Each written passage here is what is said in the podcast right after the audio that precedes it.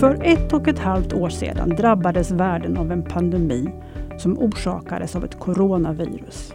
En pandemi som fortfarande påverkar vår vardag. Ebolaviruset som orsakar ebolafeber, en sjukdom med mycket hög dödlighet, orsakade ett stort utbrott i Västafrika 2014 till 2016, men spreds inte globalt. En HIV-infektion som på 1980-talet ledde till den dödliga sjukdomen aids kan idag behandlas och har blivit en kronisk sjukdom som 37 miljoner människor lever med idag. Men än finns inget bot mot HIV. Och trots stora insatser så har man än så länge inte lyckats framställa ett vaccin. I dagens podd, som produceras av Vetenskap och hälsa, ska vi prata om virus. För vad är virus egentligen? Är det ens levande? Och varför är virus så svåra att kontrollera? Och varför har vi fortfarande inget vaccin mot HIV som vi har känt till sedan 1980-talet medan covid-vaccinet togs fram på mindre än ett år? För att reda ut dessa och många andra frågor om virus har jag bjudit in Marianne Jansson som är docent i virologi vid Lunds universitet och som forskar på HIV. Och själv heter jag Eva Bartmek. Så jag säger välkommen hit Marianne. Tack så mycket. Och det är jättekul, speciellt kul att faktiskt kunna säga välkommen hit, för att det är första gången på över ett år som vi spelar in i studio igen. Vi har gjort inspelningen på distans. Men det är gott om plats här och vi håller avstånd och vi är vaccinerade. Någon lär ha sagt att ett virus det är en dålig nyhet insvept i protein. Och då tänker jag så här att de flesta känner nog kanske till att man brukar prata om goda bakterier och onda bakterier. Och faktum är att, att eh, de flesta är faktiskt bra för oss, de flesta bakterier. Och, och de är bra viktiga för vår hälsa. Men finns det några nyttiga virus eller är alla virus onda? Ja, det är en bra fråga. Eh, det är ju så att, att de flesta virusar vi forskar på, det är virusar som orsakar sjukdom. Och eh, det är mycket mindre känt om, om virus då, som, som kan vara till nytta för oss.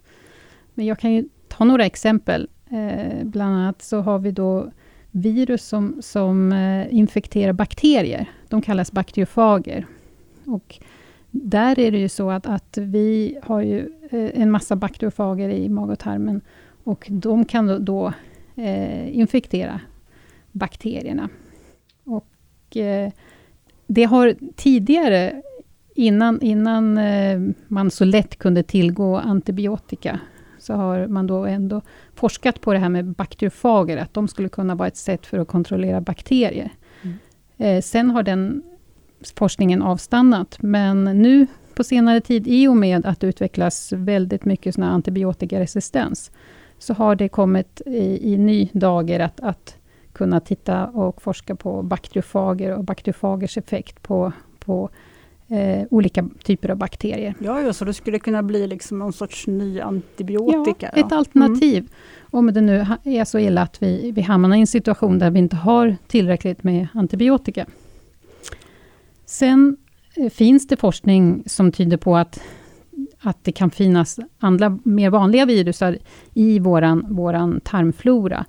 Eh, där har väl forskningen framförallt tittat i djurmodeller, men det, där har man då sett att till exempel vissa norovirus, som hos människa orsakar vinterkräksjukan, eh, skulle då kunna se till att, att immunförsvaret i tarmen då eh, blir lite ja, upphöjt, eller blir lite mer redo för att ta hand om om andra mikroorganismer som skulle vara lite mer sjukdomsalstrande. Så du menar att till och med vinterkräksviruset kan göra nytta? Kanske inte specifikt just det som, som människor infekteras av, men, men just idén om att, att det finns även virusar som kan höra till vår normala mm. tarmflora. Mm.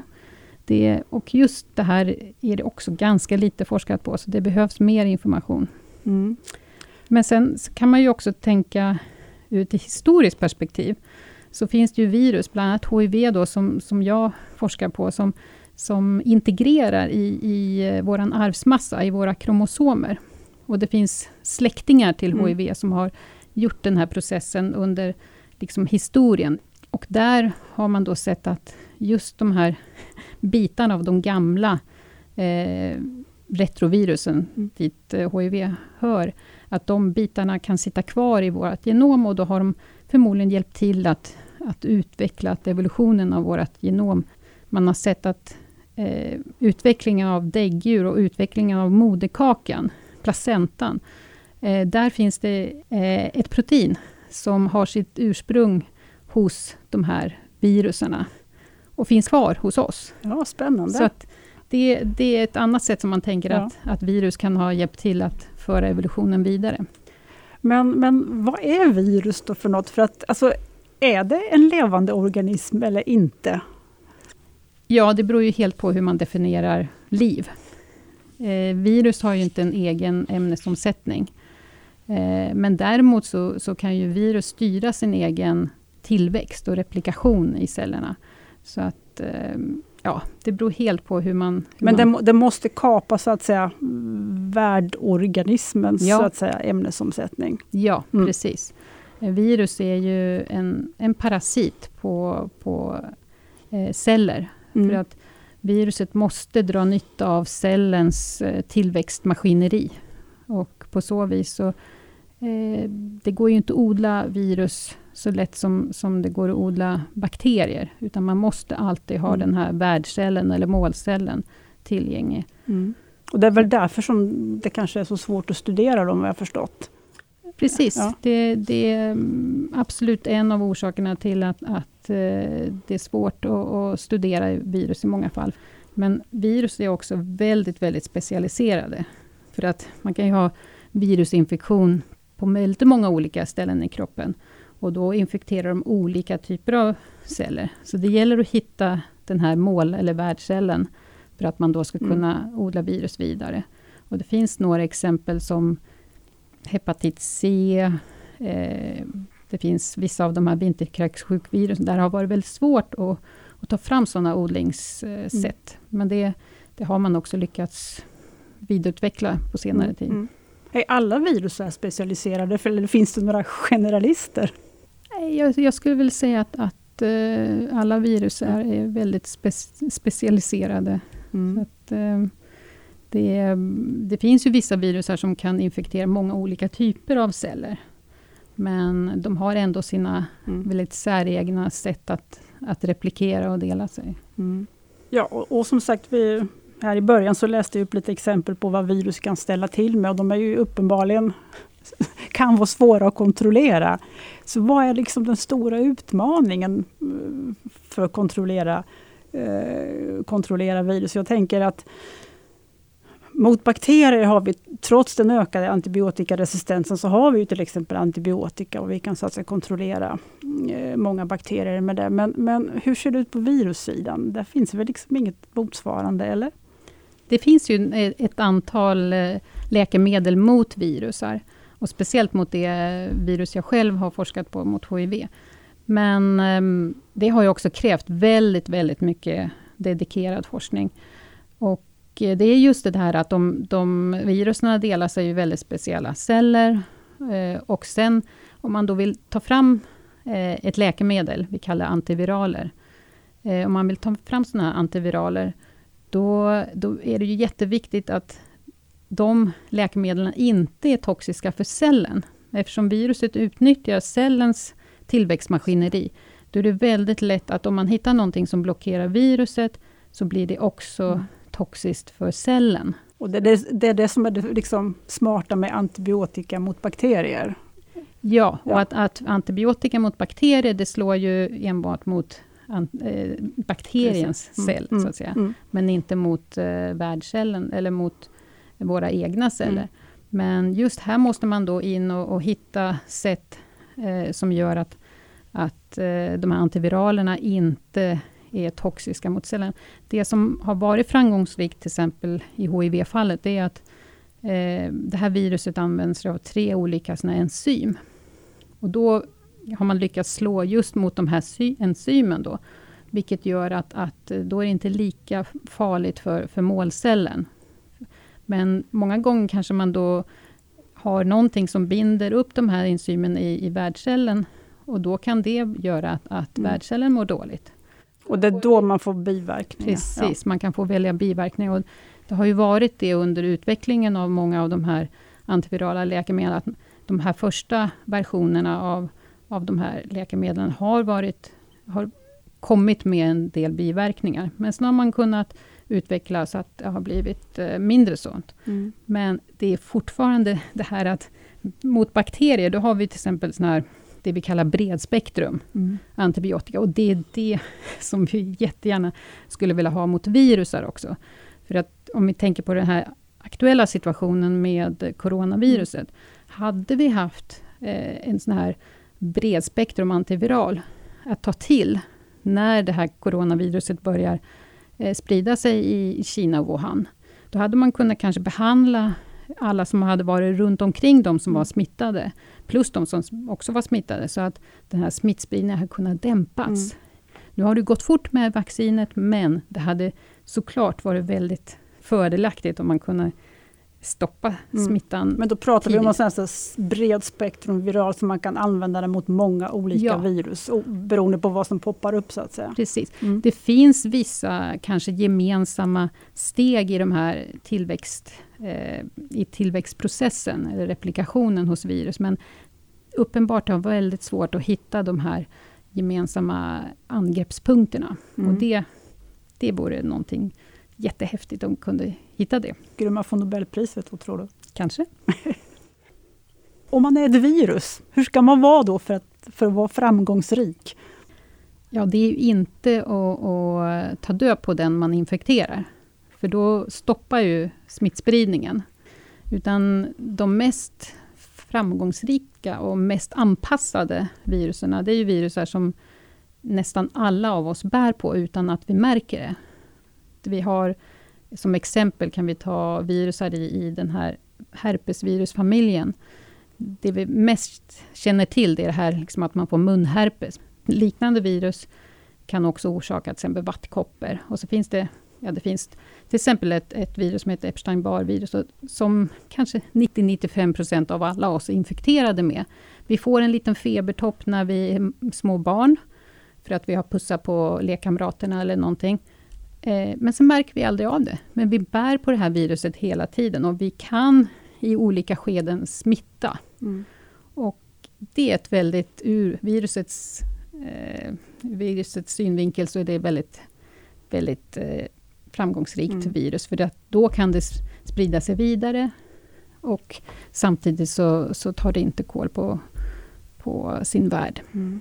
Så ebolaviruset är inget framgångsrikt Nej. virus egentligen? Nej, utan ebola måste finnas i en annan typ av, av djur eh, parallellt. För att det, det, blir ett utbrott, men sen så i och med att man tar försiktighetsåtgärder eh, så, så kan man kontrollera det här utbrottet. Och det var ju, det var ju ett extremt stort utbrott då eh, 2014-15 mm. i Västafrika och det var ju Kanske delvis på grund av att det aldrig hade drabbat det området tidigare. Men det har ju ändå kunnat kontrolleras genom att man var mer försiktig med hur, hur man hanterade de som var sjuka och avlidna. Men därför så finns det, det finns djur, och det här är ju också det här med fladdermusen, eh, vet man bär på det här. Det kan finnas andra djur också i de här områdena som bär på det här. Då måste det finnas kvar där. Mm. Och sen så kan det då infektera och hoppa över till människa. Och på så vis. Mm. Däremot, så det är väldigt stor skillnad på de här herpesvirusen ja, och ett, ett sånt mm. virus. Så, så ebolaviruset gör så att säga människan väldigt sjuk alldeles för snabbt, så att de hinner helt enkelt inte sprida runt det. Precis. Och, ja. Precis. Jag tänkte att jag skulle mm, lite haka på det vi sa innan, det här med att, att virus är så väldigt specialiserade. Men samtidigt så händer det ju som du sa här ibland, att de faktiskt hoppar över från ett djur till en människa eller till ett annat djur eller något sånt då. Mm. Hur, hur, kan det funka? Och, och, då blir det väl lite extra farligt, eller? Eh, det är ju ändå ganska ovanligt att det här sker. Men eh, uppenbart så, så, så, så har det skett och sker det kontinuerligt. Och vi vet inte exakt när det ska ske och, och det är inte alltid man vet exakt vilket djur det är som har spridit heller. Eh, I fallet med coronavirus så, så ser man ju att eh, det här coronaviruset, sars-cov-2, det efterliknar ju väldigt mycket virus som också finns i fladdermöss, men vi vet inte om det har funnits en mellanvärld. Mm. Så det, det, det, är specialiserat, men det kan ändå hoppa mellan djurarter i vissa fall. Mm. Men vad är det som händer? Alltså, krävs det en mutation, eller är det så att det bara råkar liksom hoppa över och så Ja, så råkar det gå att infektera de cellerna? Eller? Nej, det är ju ofta eh, anknutet till en mutation, som gör att, att, eh, att viruset då helt plötsligt kan ta sig in i, i människans celler. Och eh, jag kan ju ta som ett exempel också det här med HIV. För där vet vi att, att eh, HIV kommer från ett apvirus, som vi kallar SIV, eh, som finns hos schimpanser. Och det måste ha skett någon typ av mutation för att det då skulle komma in i människan. Och sen var det under lång tid man inte kände till det här viruset, men att i och med att, att eh, människor flyttade in till städer, så började det då också börja sprida sig mer. Men eh, annars, eh, om man tänker att de, de här schimpanserna, de mår inte dåligt av det här viruset. Och det finns väldigt närbesläktade sådana apvirus i andra typer av, av afrikanska apor. Det är väldigt, väldigt vanligt att varje apart har sin typ av, av det här HIV-liknande viruset. Men de blir inte sjuka. Mm. Och det är precis i, i, likhet med fladdermössen. De bär ju på väldigt många olika typer av, av virus.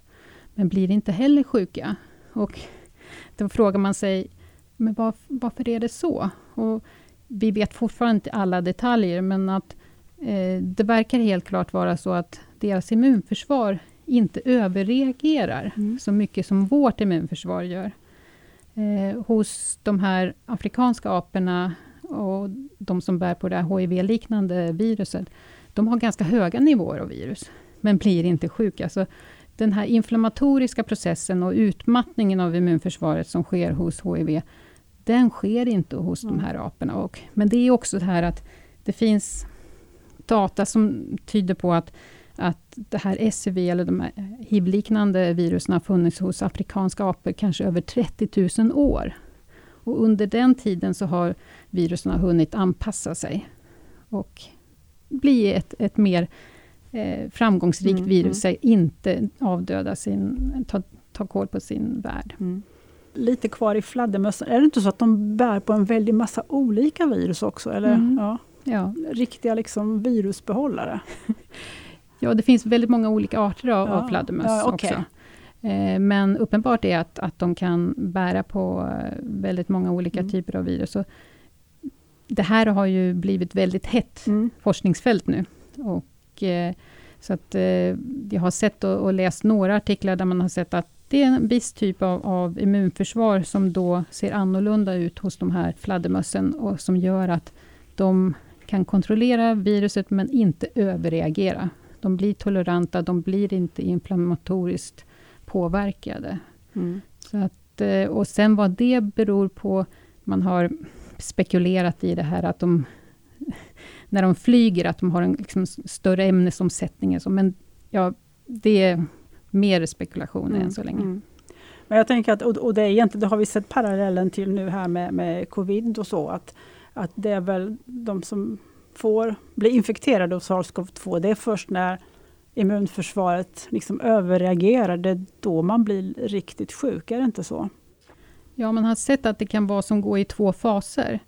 Eh, att, att man blir sjuk först då, när, ja, kanske efter en fem dagar eller någonting, eller blir smittad. Och då, då får man väldigt influensaliknande symptom. Men sen många gånger att man känner, att nu är det över, och sen slår det till. Och då har det då skapats den här hyperinflammationen i lungan till exempel. Och det är ju det man tänker att om vi nu tar reda på hur de här fladdermössen till exempel kan, kan kontrollera sin inflammation, kan vi överföra den här informationen på något vis, för att också kontrollera den här inflammationen som sker hos, hos människan. Nu vet vi att, att eh, behandlingen av, av covid eh, har förbättrats Just för att man har kunnat ge immundämpande medicin, kortison till exempel, till de som drabbas av den här eh, överreaktionen. Så att, men det vore bra om vi kunde ha lite mer detaljstyrda, eller målstyrda mm. läkemedel. Ja. Spännande. Mm. Du, jag tänkte nu ska vi börja prata om HIV-viruset, ditt virus. Ska du presentera det? Vad är det för virus? Vad utmärker just det här viruset? Ja, jag, jag berättade ju redan, redan att det kommer då ifrån eh, virus som finns hos de här afrikanska aporna. Det jag missade att berätta där, det var att, att om man då infekterar asiatiska apor med eh, virus som kommer från afrikanska apor, då utvecklar de en aids-liknande sjukdom, precis som vi. Så det tyder också på det där att vi har inte ännu hunnit anpassa oss. Men det kan ju också tänkas att det tar 30 000 år innan vi har gjort det. Men HIV det är då ett virus som hör till en familj som heter retrovirus.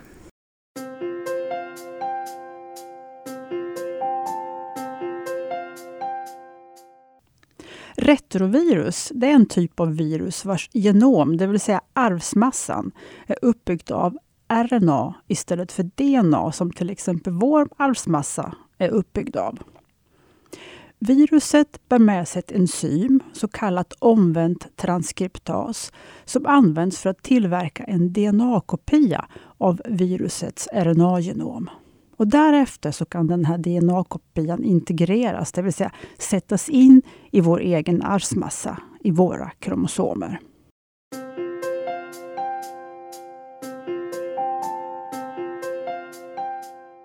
Och just det här steget är också det som gör att vi blir kroniskt infekterade. Det är inte som med covid eller med influensa, att vi får en, en akut infektion och att vi då immunförsvaret eh, förhoppningsvis kan kontrollera och göra oss immuna. Utan det här viruset ligger kroniskt i våra celler. Och hittills har vi inte haft möjlighet att, att komma på ett sätt som, som gör att vi kan bli av med det här viruset. Det är ju den, den högsta önskan, att, att vi skulle kunna bota HIV. Men jag måste fråga, när det har liksom då infekterat eh, cellerna och då är det en speciell sort av, av immun, immunförsvarsceller som den infekterar också. Mm. Ligger den där liksom i vårt DNA och, och lurar och tar det lugnt ett tag och sen helt plötsligt så, så börjar den föröka sig? Eller, ja, det, ja.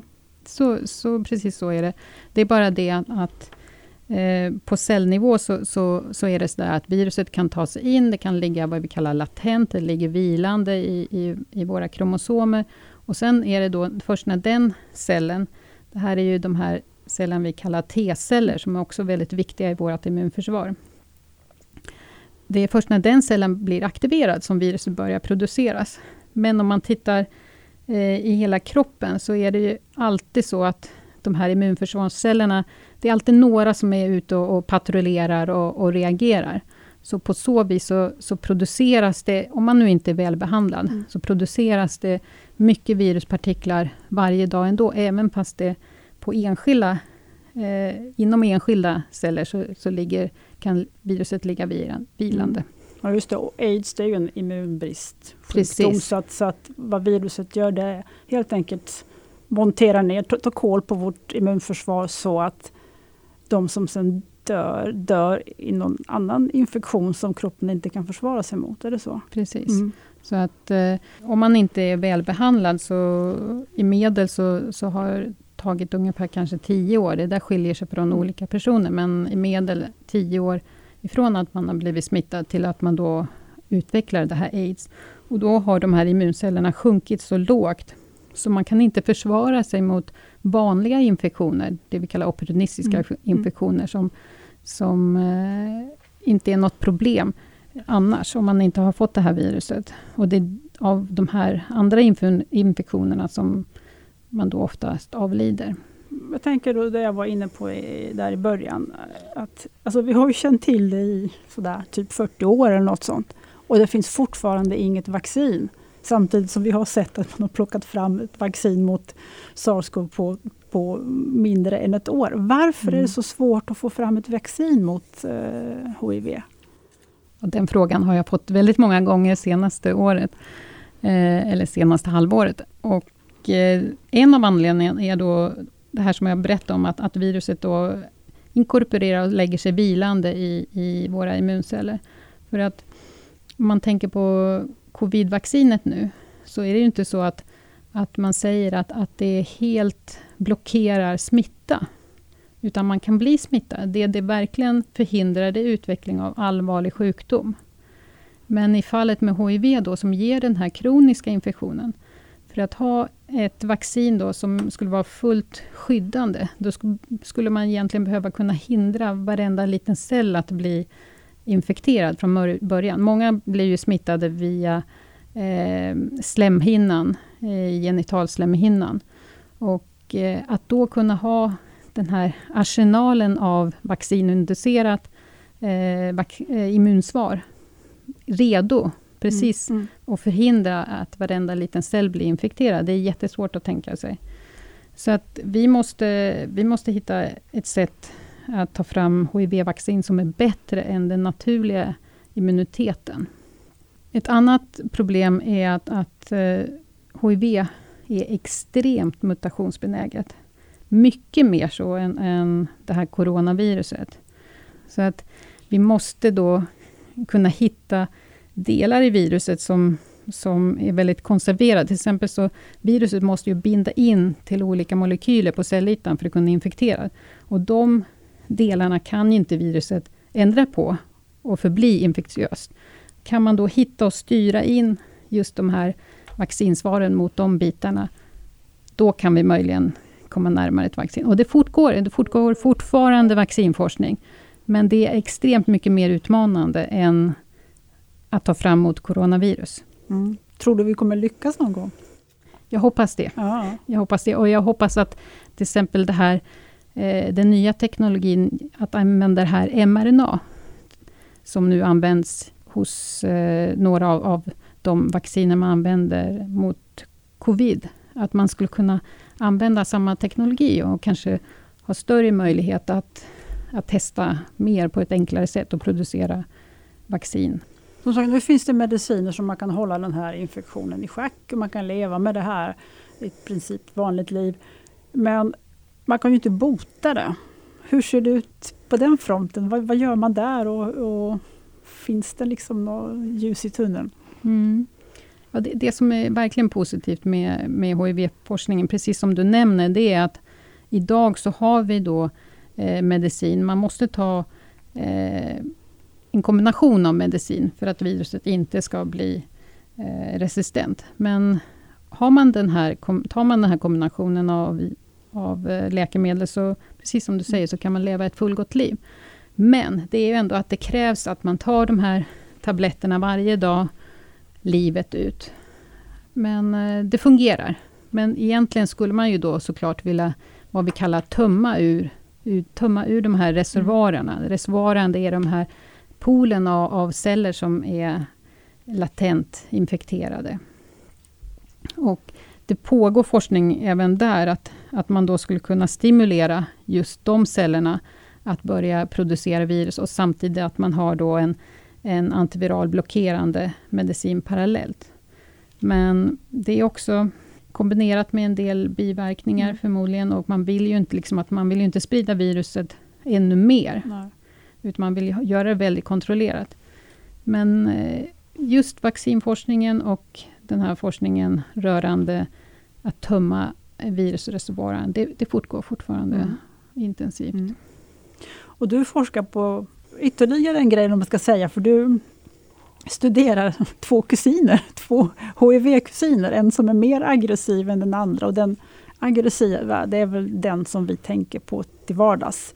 Men så finns det en som är lite mindre aggressiv. Berätta om din forskning. Jo, det stämmer. Eh, jag forskar på eh, de här två olika kusinerna som vi kallar, kallar HIV1 och HIV2. Eh, HIV1 är då det vi i dagligt tal kallar HIV. Det som har spritt sig globalt och då kan leda till aids om man inte blir behandlad. HIV2, det är ett väldigt snarlikt virus. Kommer inte från samma apvirus, utan från en annan apa som heter ullapa i Västafrika. Och det är just därför det här viruset framförallt finns i Västafrika.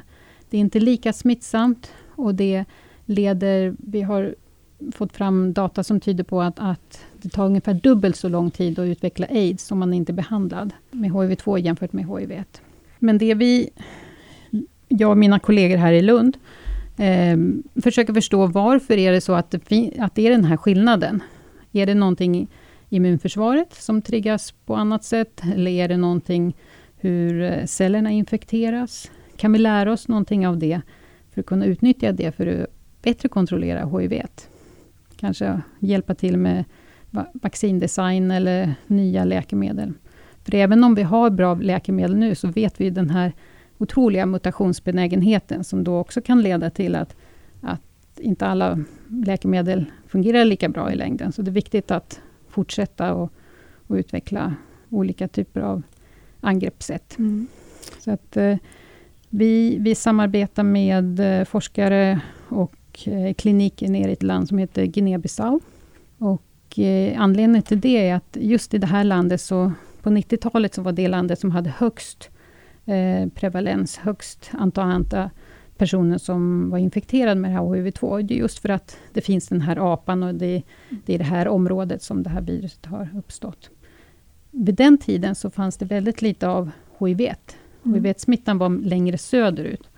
I, i kanske ja, mer i, i Kongo, Kamerun och, och de länderna där det har uppstått. Men under senare 90-talet och början på 2000-talet så har även HIV-smitta kommit in i det här landet. Och då har vi för ett antal år sedan publicerat att det finns personer som har blivit dubbelinfekterade. Då är det då att de eh, har varit allra, allra oftast att man haft HIV-2-smitta först. Och det är ju rent epidemiologiskt, eftersom det fanns i området först. Så HIV-2-smittan skyddar inte mot att man då ska få HIV-1. Men det som är intressant är att de här personerna har utvecklat aids långsammare än de som fick HIV-1 enbart. Okay. Utvecklar de det lika långsamt som de som bara har HIV-2? Eller? Nej, Nej. Det, de, det ligger mitt emellan de här kurvorna. Så att det är inte lika långsamt som enbart ha HIV-2, men ändå inte lika snabbt som om man har HIV-1. Och det, jag som är extra intresserad av det här med immunförsvaret, vi har eh, för ett tag sedan har vi publicerat och hittat fynd som tyder på att det finns vissa typer av antikroppar som kanske är lite korsreaktiva. Att har de då triggats och börjat bildats av den här HIV-2-infektionen mm. och sen då när man då får HIV-1-infektionen så har man redan ett litet... Man har inte immunförsvar som skyddar helt från smittan, mm. men vi, vi spekulerar i att de här antikropparna ändå kan hjälpa till att dra ner virus, eh, virumin, den här som första mm. infektionsfasen. Mm, så lite halvdåligt vaccin? Eller? Ja, ja, ja. precis. Mm. Eller det jag tänker på nu, parallellt till corona, man har ju spekulerat i, eller funderat på kring varför barn, då, till exempel små barn, inte blir så sjuka. Att de kanske har blivit utsatta för en massa andra virus uh, som, alltså, som ger vanliga förkylningar och så att de har något ja, det grundskydd på något sätt. Ingen dum mm. liknelse, för det, det, har man sett då att, att eh, just barn och tonåringar, de kan ha lite korsreaktivitet, korsskydd, mm. från de här coronavirusen som mest orsakar snuva. Det, och här kan det då vara att, att har man preexisterande immunsvar mot HIV-2 så, så dämpar det eh, den här första vitamin hos HIV. Vi behöver forska mer här. Mm. Mm. Vi, vet. vi ja. har också en annan inriktning där vi då försöker förstå eh, om det kan finnas eh, vissa olika interaktioner inuti cellerna som då blir infekterade. Och då försöker vi sätta upp modellsystem med att vi infekterar celler på labbet. Antingen en, enskilda celler eller att man infekterar lymfoid vävnad. Och då försöker vi efterlikna det där, att vi infekterar antingen med en HIV-1 eller HIV-2, eller båda två. Och så tittar vi på hur cellen reagerar. En hypotes är att vi då skulle kunna hitta ett, ett protein eller någonting som, gör, som triggas HIV-2, som då också gör att HIV-1 inte kan dela sig lika snabbt. Mm. Men det har ni inte hittat än? Det har vi inte hittat än. Nej. Jag tänkte om vi skulle runda av det här, så jag tänkte ställa en sista fråga till dig här. Om du tänker på lite mer generellt, det har, det har ju som sagt forskats väldigt mycket på HIV. Vad har den här HIV-forskningen bidragit till, så att säga, för att öka den generella kunskapen om, om virus? Det är ju helt klart att, att för eh, infekterade, så är det viktigaste att man har fått fram den här bra kombinationsterapin, så att man kan leva med HIV som en kronisk infektion utan att bli sjuk. Men vi har ju också på vägen, har man ju varit tvungen att studera väldigt, väldigt väl hur viruset då beter sig inuti cellerna. Och då har många eh, upptäckter om just hur cellen fungerar. Så cellbiologin har utvecklats genom att man har studerat HIV. Och på så vis kan vi utnyttja den informationen till andra typer av, av sjukdomar. Och om man tänker på utveckling av de här läkemedlen, antivirala läkemedlen, så vet jag att till exempel nu så är det det här gulsotsviruset som vi kallar hepatit C, som eh, väldigt många blir drabbade av genom blodsmitta. Det är också en sån här kronisk infektion i många lägen. Och tidigare så har det varit väldigt svårt att bota den infektionen. Man har fått ta väldigt aggressiva behandlingar och kanske ändå inte blivit av med det här viruset. Men inspirerat från HIV-forskningen så har man nu tagit fram mycket mer specifika läkemedel som är väldigt effektiva. Så att man kan bli behandlad eh, mot sin hepatit C-infektion och bli frisk. Så på så vis så har det också HIV-forskningen hjälpt till att bota andra, mm. eller bota det här hepatit C-viruset. Har coronaforskningen på något sätt kunnat dra nytta av hiv-forskningen? Jo, men det stämmer att, att eh, HIV-forskningen har varit viktigt även för eh, forskningen runt corona. Det är väldigt många HIV-forskare som har lyckats sadla om och börja forska om coronavirus. Och på så vis har ju HIV-forskningen också hjälpt till med att eh, snabbt nu kunna ta fram eh, ett vaccin, eller flera vaccin, mot eh, coronavirus. Ja, det här är jättespännande. Jag hoppas att de som lyssnar tycker det är lika spännande som jag. Men jag tror att vi behöver runda av nu. Så att, tack så jättemycket Marianne Jansson, docent i virologi vid Lunds universitet, för att du ville komma hit och prata virus med mig. Och eh, ni som har lyssnat, ni har alltså lyssnat på ett podd från Vetenskap och hälsa. Och fler poddar och mer information hittar ni på vetenskaphalsa.se. Jag som har intervjuat heter Eva Bartonek och ljudtekniker har varit Patrik Jävert från Skånes universitetssjukhus. Tack för att ni har lyssnat.